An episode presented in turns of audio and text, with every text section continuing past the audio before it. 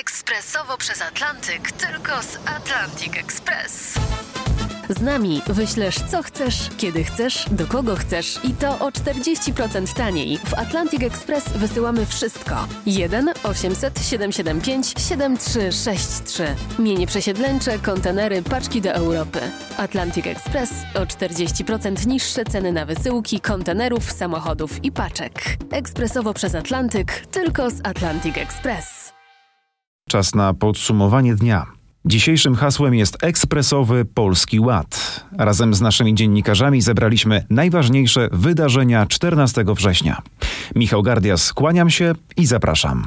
Zaczynamy od najważniejszej gospodarczej informacji dnia. Polski Ład przyspiesza. Prawo i Sprawiedliwość chce narzucić ekspresowe tempo prac nad tą podatkową rewolucją.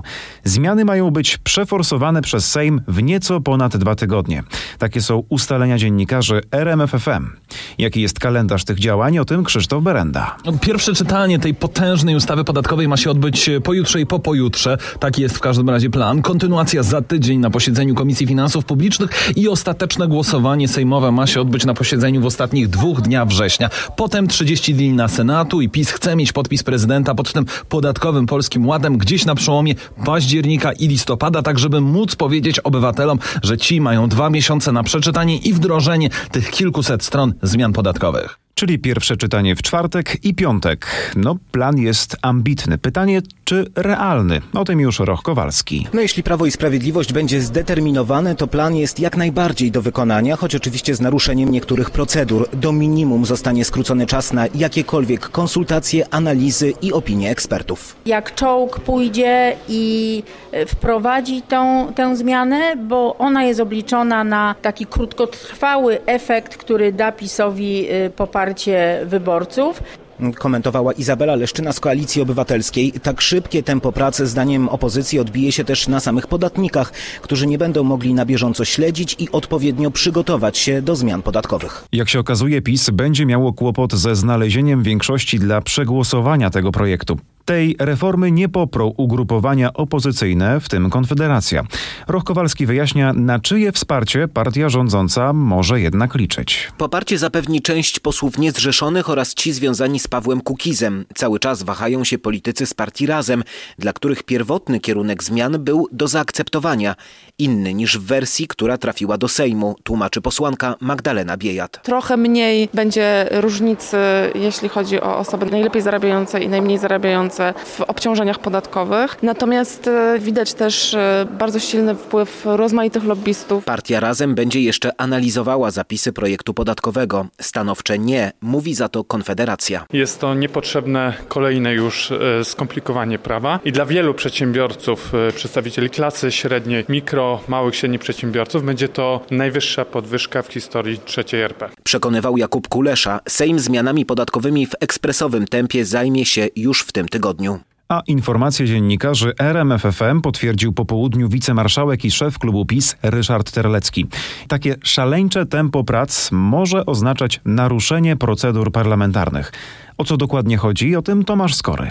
Chodzi o wprost złamanie jasnego przepisu regulaminu Sejmu, który w wypadku ustaw zmieniających działanie samorządów daje im na wydanie opinii 14 dni od momentu przekazania im projektu. Ostateczne wersje projektów Polskiego Ładu trafiły do Sejmu 8 września, więc według tego przepisu Sejm może je rozpatrywać nie wcześniej niż 22, a nie 16 czy 17. Co więcej, posłowie opozycji złożyli też w Komisji Finansów wniosek o wyjaśnienie przez rząd, jak Polski Ład wpłynie na budżety samorządów. Regulamin nakazuje poświęcenie temu posiedzenia w ciągu 30 dni. Jeśli Sejm rozpatrzy projekty w tym tygodniu, takie posiedzenie będzie po prostu pozbawione sensu. Posłowie mają więc do wyboru albo złamanie zasad i pośpiech, albo ich przestrzeganie i opóźnienie prac. No właśnie, opozycja zwraca uwagę, że na dokładne zapoznanie się z tym obszernym dokumentem po prostu czasu nie będzie. To, że legislatorzy nie zdążą przeanalizować tej ustawy, pewnie zdążą ją przeczytać. Te 600 stron, no przeczytamy wszyscy. Natomiast y, nie ma mowy o żadnej analizie, o żadnej refleksji, o żadnej debacie, dyskusji, y, o wysłuchaniu publicznym, które przecież powinno nastąpić, bo to, że projekt był w konsultacjach społecznych, y, niczego niczego nie załatwia. Przypomnijmy, to był sierpień, miesiąc wakacji i wyjazdów Polaków i w dodatku przychodzi do Sejmu inna zmieniona ustawa, której de facto nie znamy. Mówi Izabela Leszczyna z Koalicji Obywatelskiej. Premier Mateusz Morawiecki zapewniał, że na Polskim Ładzie zyska około 18 milionów Polaków, a dla 90% podatników zmiany mają być albo neutralne, albo nawet korzystne. Polecam naszą stronę rmf24.pl. Mamy tam bardzo szczegółowe artykuły dotyczące tej reformy i wyliczenia, kto ile straci, a kto ile zyska. W podsumowaniu dnia ciąg dalszy Polskiego Ładu, a dokładnie komentarz Polskiego Stronnictwa Ludowego. Gościem Tomasza Terlikowskiego we wtorek był wicemarszałek Sejmu Piotr Zgorzelski, poseł PSL. Niektórzy nazywają go polskim wałem i nie można go inaczej nazwać. Przedsiębiorcy, którzy uratowali gospodarkę w czasie pandemii, dostają w prezencie podwyższenie podatków. To słowa naszego gościa. Tomasz Terlikowski dopytywał. Lewica się zastanawia. Mówi, no jednak pewnym ludziom to pomaga. PSL przedstawiał się często i nadal się przedstawia jako partia ludowa. Tak. E, To nawet w nazwie ma, czyli partia skierowana do, nie tylko do chłopów, ale również do robotników. Powszechna. Do Ludowość drobnych, oznacza powszechną. do drobnych przedsiębiorców. Tak. No i jak zamierzacie to wytłumaczyć? Lewica mówi, będziemy się zastanawiać, bo jednak wielu to pomoże. Jak zamierzacie wytłumaczyć tym, którym to pomoże, że jesteście przeciwko? My przede wszystkim jeszcze raz mówimy, ci wszyscy, którzy y, uratowali Polskę przed pandemią, którzy ciężko pracowali, prowadząc swoje biznesy, pomimo trudności wszelkiego rodzaju, które także fundował im rząd, dzisiaj w nagrodę dostają kolejne obciążenia, czy to jeśli chodzi o składkę zdrowotną, która wcale nie jest obniżona, bo de facto jest podwyższona, tylko tutaj została zastosowana metoda kozy. Wprowadzono problem, go wyprowadzono, obniżono w stosunku do tego, co, co dawano, a i tak to jest więcej w stosunku do tego, co było. I na tym to wszystko polega. To prawda jest więcej niż było, ale rząd odpowiada, musimy jakoś ratować służbę zdrowia. Mamy białe miasteczko e, Mamy przed białe Sejmem, miasteczko no i i trzeba dzisiaj- powiedzieć, są potrzebne pieniądze.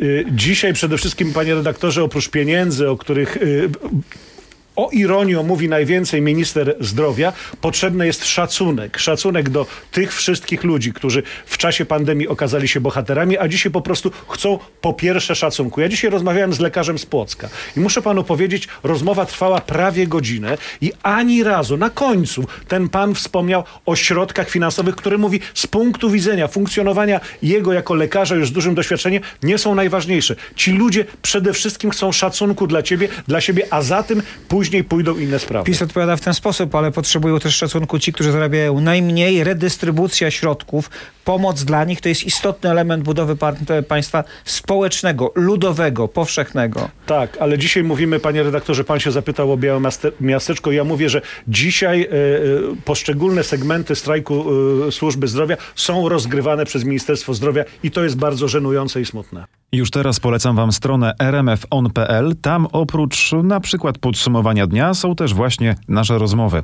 Wszystko w formie podcastów. Czas na temat, który został poruszony w popołudniowej rozmowie w RMFFM, czyli służba zdrowia. Miały być rozmowy z resortem zdrowia, ale protestujący medycy na spotkaniu się nie zjawili. Minister Niedzielski zaznacza, kolejnego zaproszenia już nie będzie. W podsumowaniu Mariusz Piekarski, który wyjaśnia teraz, co w tej sytuacji proponuje minister zdrowia. Minister proponuje teraz rozmowy o postulatach medyków, głównie tych płacowych, w komisji trójstronnej, czyli dużo szerszej formule, nie tylko z protestującymi, ale ze wszystkimi związkami zawodowymi i z pracodawcami. Do komitetu strajkowego oddzielnego zaproszenia już nie będzie. Były dwa, mówi minister Niedzielski. Ile razy można się zwracać z prośbą? E, Konwencja właśnie taka e, szanowania się nawzajem wymaga odpowiadania na zaproszenia, a jeżeli nie, nie ma tej odpowiedzi, no to ja muszę działać niezależnie od tego, czy druga strona okazuje szacunek, czy tego szacunku nie okazuje. Niedzielski nie zgadza się, że rozmowy z innymi związkami zawodowymi to wbijanie klina między środowiska medyczne. Jak mówi Forum Związków Zawodowych, które uczestniczy, ucz, uczestniczy w procesie medyków, może zawsze wrócić do stołu rozmów. Dziś minister, by pokazać przygotowanie do tych rozmów z komitetem protestacyjnym, przyszedł do Centrum Dialog z dwoma wiceministrami, z szefem NFZ-u, a nawet szefem Agencji Oceny Technologii Medycznych. Nadal wykluczony jest udział premiera w rozmowach z, o postulatach medyków. Z Centrum Dialog Mariusz Piekarski. A jak donosi nasz dziennikarz Paweł Balinowski, lista miast, w których ratownicy kontraktowi składają wypowiedzenia i przyłączają się do protestu, cały czas się wydłuża. Chodzi o Toruń, Golub Dobrzyń, Rypin, Wąbrzeźno, Lipno czy Brodnice w Kujawsko-Pomorskiem. Ratownicy chcą wyższych płac i poprawy warunków ich pracy. O ilu ratowników chodzi? W sumie o ponad 200, ale to tylko ci, którzy dzisiaj wypowiedzieli kontrakty, bo wcześniej zrobili to ich koledzy m.in. z Bydgoszczy i Włocławka. W samym Toruniu zrobiło to kolejne 110 osób, około 80 ratowników i 30 pracowników SOR-u. W pozostałych powiatach, czyli Golubiu Dobrzyniu, Wąbrzeźnie, Repinie, Lipnie i Brodnicy to kolejnych 111 ratowników, czyli wszyscy, którzy właśnie tam pracowali na kontraktach. Okres wypowiedzenia to miesiąc. Sami ratownicy mówią mi, że chcieliby wycofać się z tego ruchu, ale najpierw muszą dostać konkretne deklaracje w sprawie podwyżek. Dodatkowe 1000 zł na karetkę to tylko słowa. Nie mamy nic na papierze, podkreślają. Mówił nasz dziennikarz Paweł Balinowski.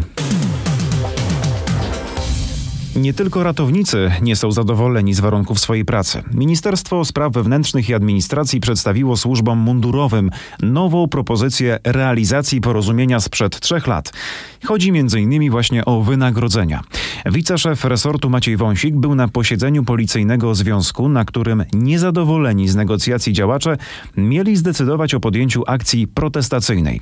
Te decyzje funkcjonariusze na razie odłożyli do kolejnej tury rozmów. Odbędzie się ona w przyszłym tygodniu. Od wczoraj MSWiA podniosło o 30 zł podwyżkę na przyszły rok. Od stycznia policjanci, a także inni mundurowi mieliby więc dostać 500 zł brutto. Dodatkowo wiceminister Wąsik zaproponował likwidację limitów stanowisk w komendach powiatowych i miejskich, co ma ułatwić awansowanie. Dodatkowo MSWiA chce sprawić, by najmłodsi policjanci z drugiej i trzeciej grupy zaszeregowania zostali automatycznie przeniesieni o grupę wyżej. Obiecano też, że waloryzacja w budżetówce także automatycznie będzie obejmować funkcjonariuszy. Krzysztof, a co na to związkowcy?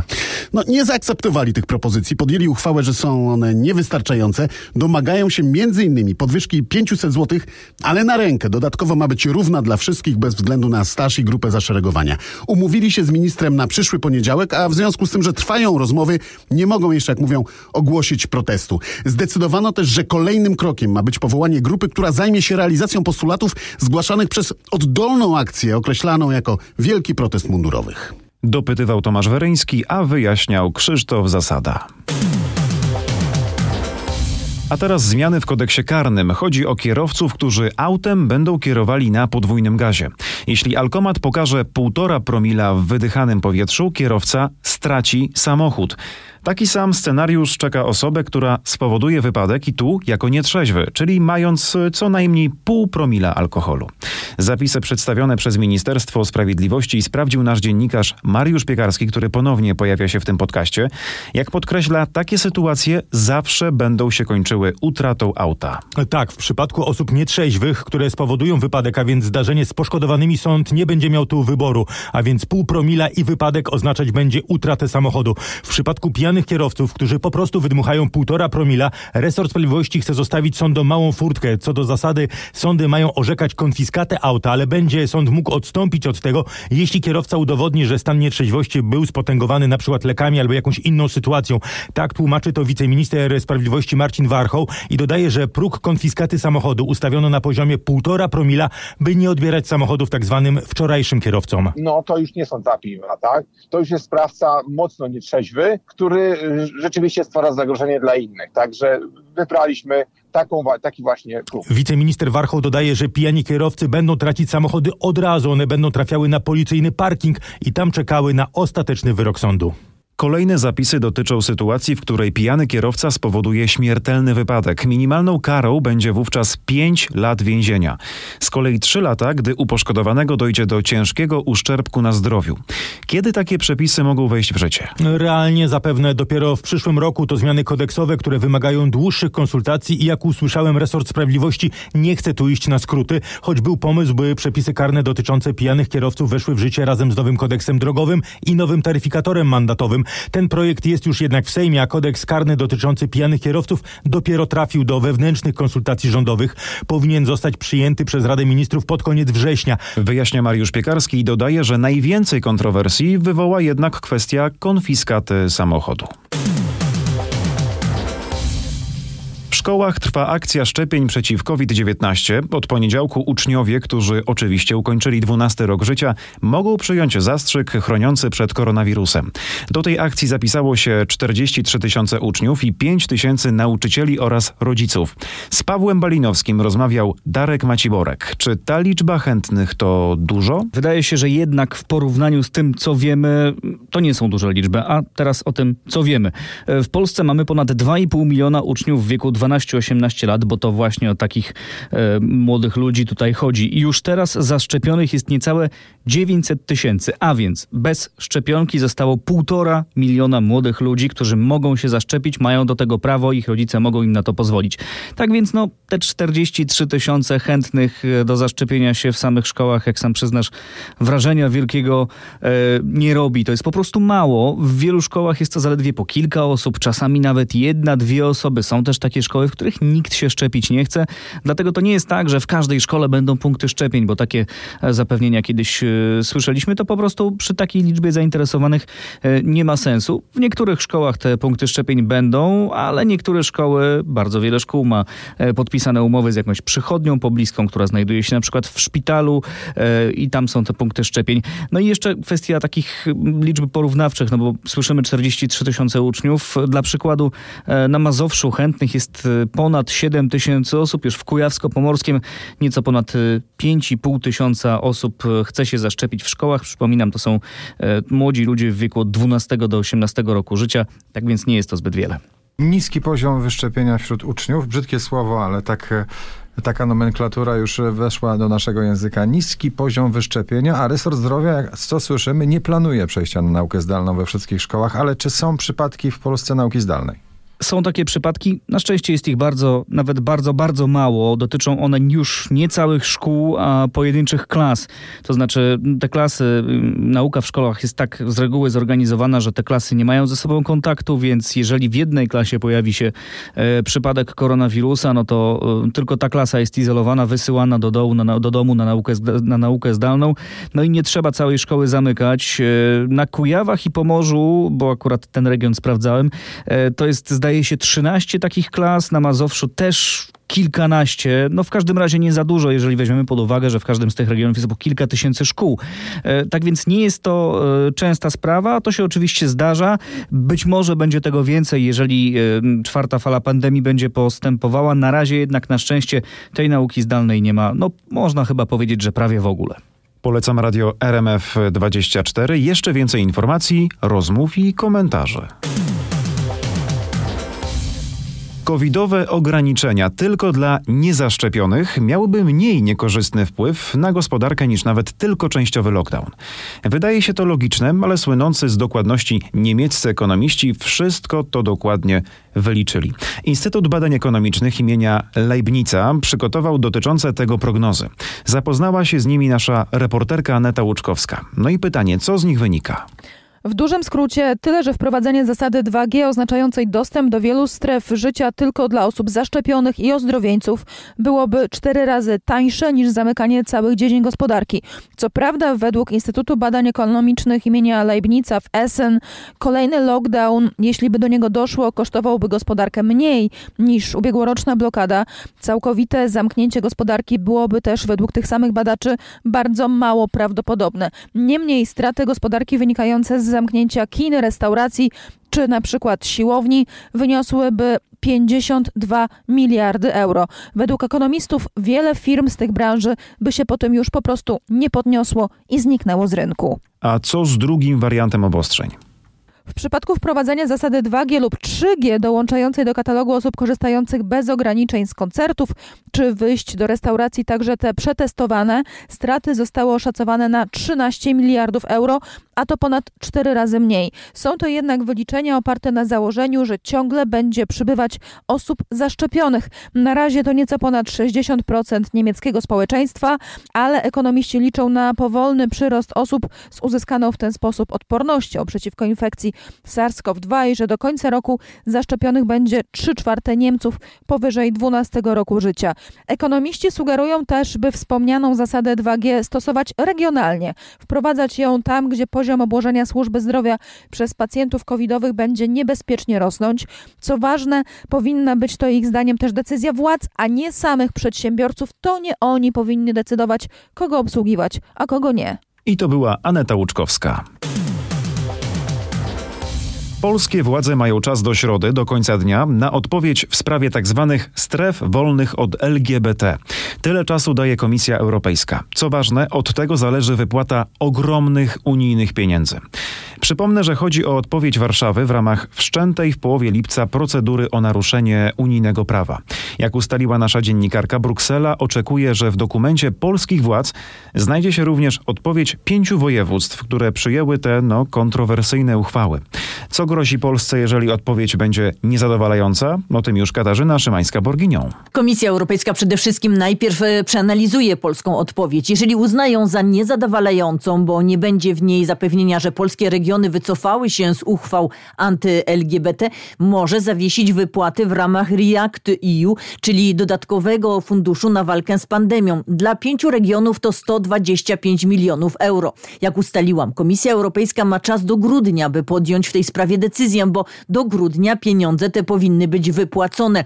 Bruksela może je jednak zablokować, by wymusić na regionach odstąpienie od dyskryminujących uchwał. Komisja Europejska może również przejść do kolejnego etapu procedury o naruszenie unijnego prawa, która może zakończyć się pozwem do Unijnego Trybunału Sprawiedliwości, a w razie przegranej w CUE Polsce grożą kary finansowe. A we wtorek wieczorem do Komisji Europejskiej odpowiedź w tej sprawie wysłała Małopolska. Co znalazło się w tej deklaracji? Powstanie stanowiska pełnomocnika i Rady do Spraw Równego Traktowania i Praw Rodziny przy Małopolskim Urzędzie Marszałkowskim to odpowiedź na wątpliwości Komisji Europejskiej dotyczące tzw. Tak deklaracji anty-LGBT.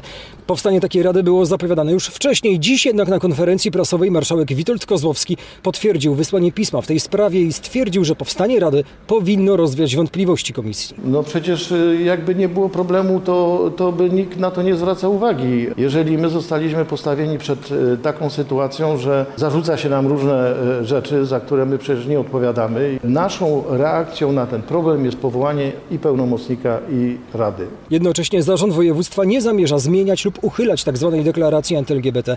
Rada do spraw równego traktowania ma być ciałem doradczym dla samorządu województwa, a także niezależnym. Mają się w niej znaleźć przedstawiciele różnych instytucji, a także opozycyjni radni z Sejmiku Województwa. Wyjaśniał reporter RMFFM Marek Wiosło. Na koniec tego podsumowania dnia coś dla tych, którzy czasem lubią oderwać się od Ziemi. I wcale nie przesadzam. Z Krakowa będzie można wystartować prosto na planetę Lem. Zapytacie skąd? Ze starego składu solnego zabytkowego budynku na krakowskim Zabłociu. To właśnie tam powstanie Centrum Języka i Literatury. Za nami ostatni dzień festiwalu Bomba Megabitowa, który został zorganizowany z okazji setnych urodzin Stanisława Lema. I właśnie we wtorek zaprezentowano, jak to centrum będzie wyglądało. Posłuchajmy. Planeta Lem to jest e, spełnienie wielkiego marzenia wielu środowisk, przede wszystkim e, środowiska literackiego Krakowa, które od wielu lat marzy o takim centrum literackim, wizytówce miasta literatury UNESCO, ale też takiego miejsca, w którym e, przeszłość, teraźniejszość i przyszłość się spotykają i trudno sobie wyobrazić lepszego patrona tej, tego miejsca niż Stanisław Lem, którego stulecie właśnie świętujemy. Planeta Lem e, to projekt, który miał swój międzynarodowy konkurs. W tym międzynarodowym konkursie wygrała jedna z najlepszych pracowni architektonicznych w naszym kraju, Jens Architekci, której realizacje w wielu miastach e, Polski no, po prostu uchodzą za jeden z najlepszych przykładów architektury współczesnej. Wykorzystali bardzo twórczo istniejący skład solny, budynek e, magazynów, dawnych koszar austriackich, stajni, miejsca, w którym kiedyś przeładowywano sól, którym ta sól z Wieliczki płynęła wpłynęła e, w głąb kraju. Wyobrażamy sobie, że to miejsce będzie właśnie takim miejscem transportu talentów, idei, kreatywnych pomysłów wszelakich, ale też miejscem e, spotykających mieszkańców naszego miasta, otoczonych zielonymi ogrodami, wspaniałymi takimi peryskopami, lustrzanymi wieżami, które są takim kontrapunktem dla wież Starego Miasta, a zarazem odbijających tego, to co się dzieje na, pod ziemią i to co się dzieje na zewnątrz. E, w środku wystawa, e, ale zarówno interaktywna, jak i bardzo tradycyjna, poświęcona i ewolucji języka e, we wszystkich jego przetworzeniach, dialektach, żarogonach, języka jako narzędzia komunikacji, ale też jako narzędzia manipulacji. Wystawa poświęcona Lemowi, ale nie tyle biograficzna czy historyczna, co poświęcona różnym obszarom filozoficznym, literackim, dotyczącym również diagnoz e, rozwoju ludzkości, więc też taka bym powiedział futurologiczno-spekulatywna. No i wreszcie miejsce festiwalowe, miejsce wypełnione naturalnym rytmem literackiego Krakowa. Mamy w Krakowie prawie 12 dużych festiwali literackich, które od lat budują publiczność tego, e, literacką tego miasta. Razem z targami książki w Krakowie to jest publiczność prawie 300 tysięcy ludzi rocznie, więc to jest ogromna liczba osób, które mam nadzieję, że z tego miejsca będzie korzystać. Mówił Robert Piaskowski, pełnomocnik prezydenta Krakowa do spraw kultury. Centrum ma powstać do końca 2024 roku, a wieże, peryskopy, o których przed chwilą słyszeliśmy, mają zachęcać do podróży w głąb literatury Lema. Ja zachęcam też do słuchania faktów RMFFM i radia RMF24. Nasi dziennikarze każdego dnia zbierają dla Was najważniejsze informacje. Bardzo dziękuję za uwagę. Michał Gardias, kłaniam się i do usłyszenia.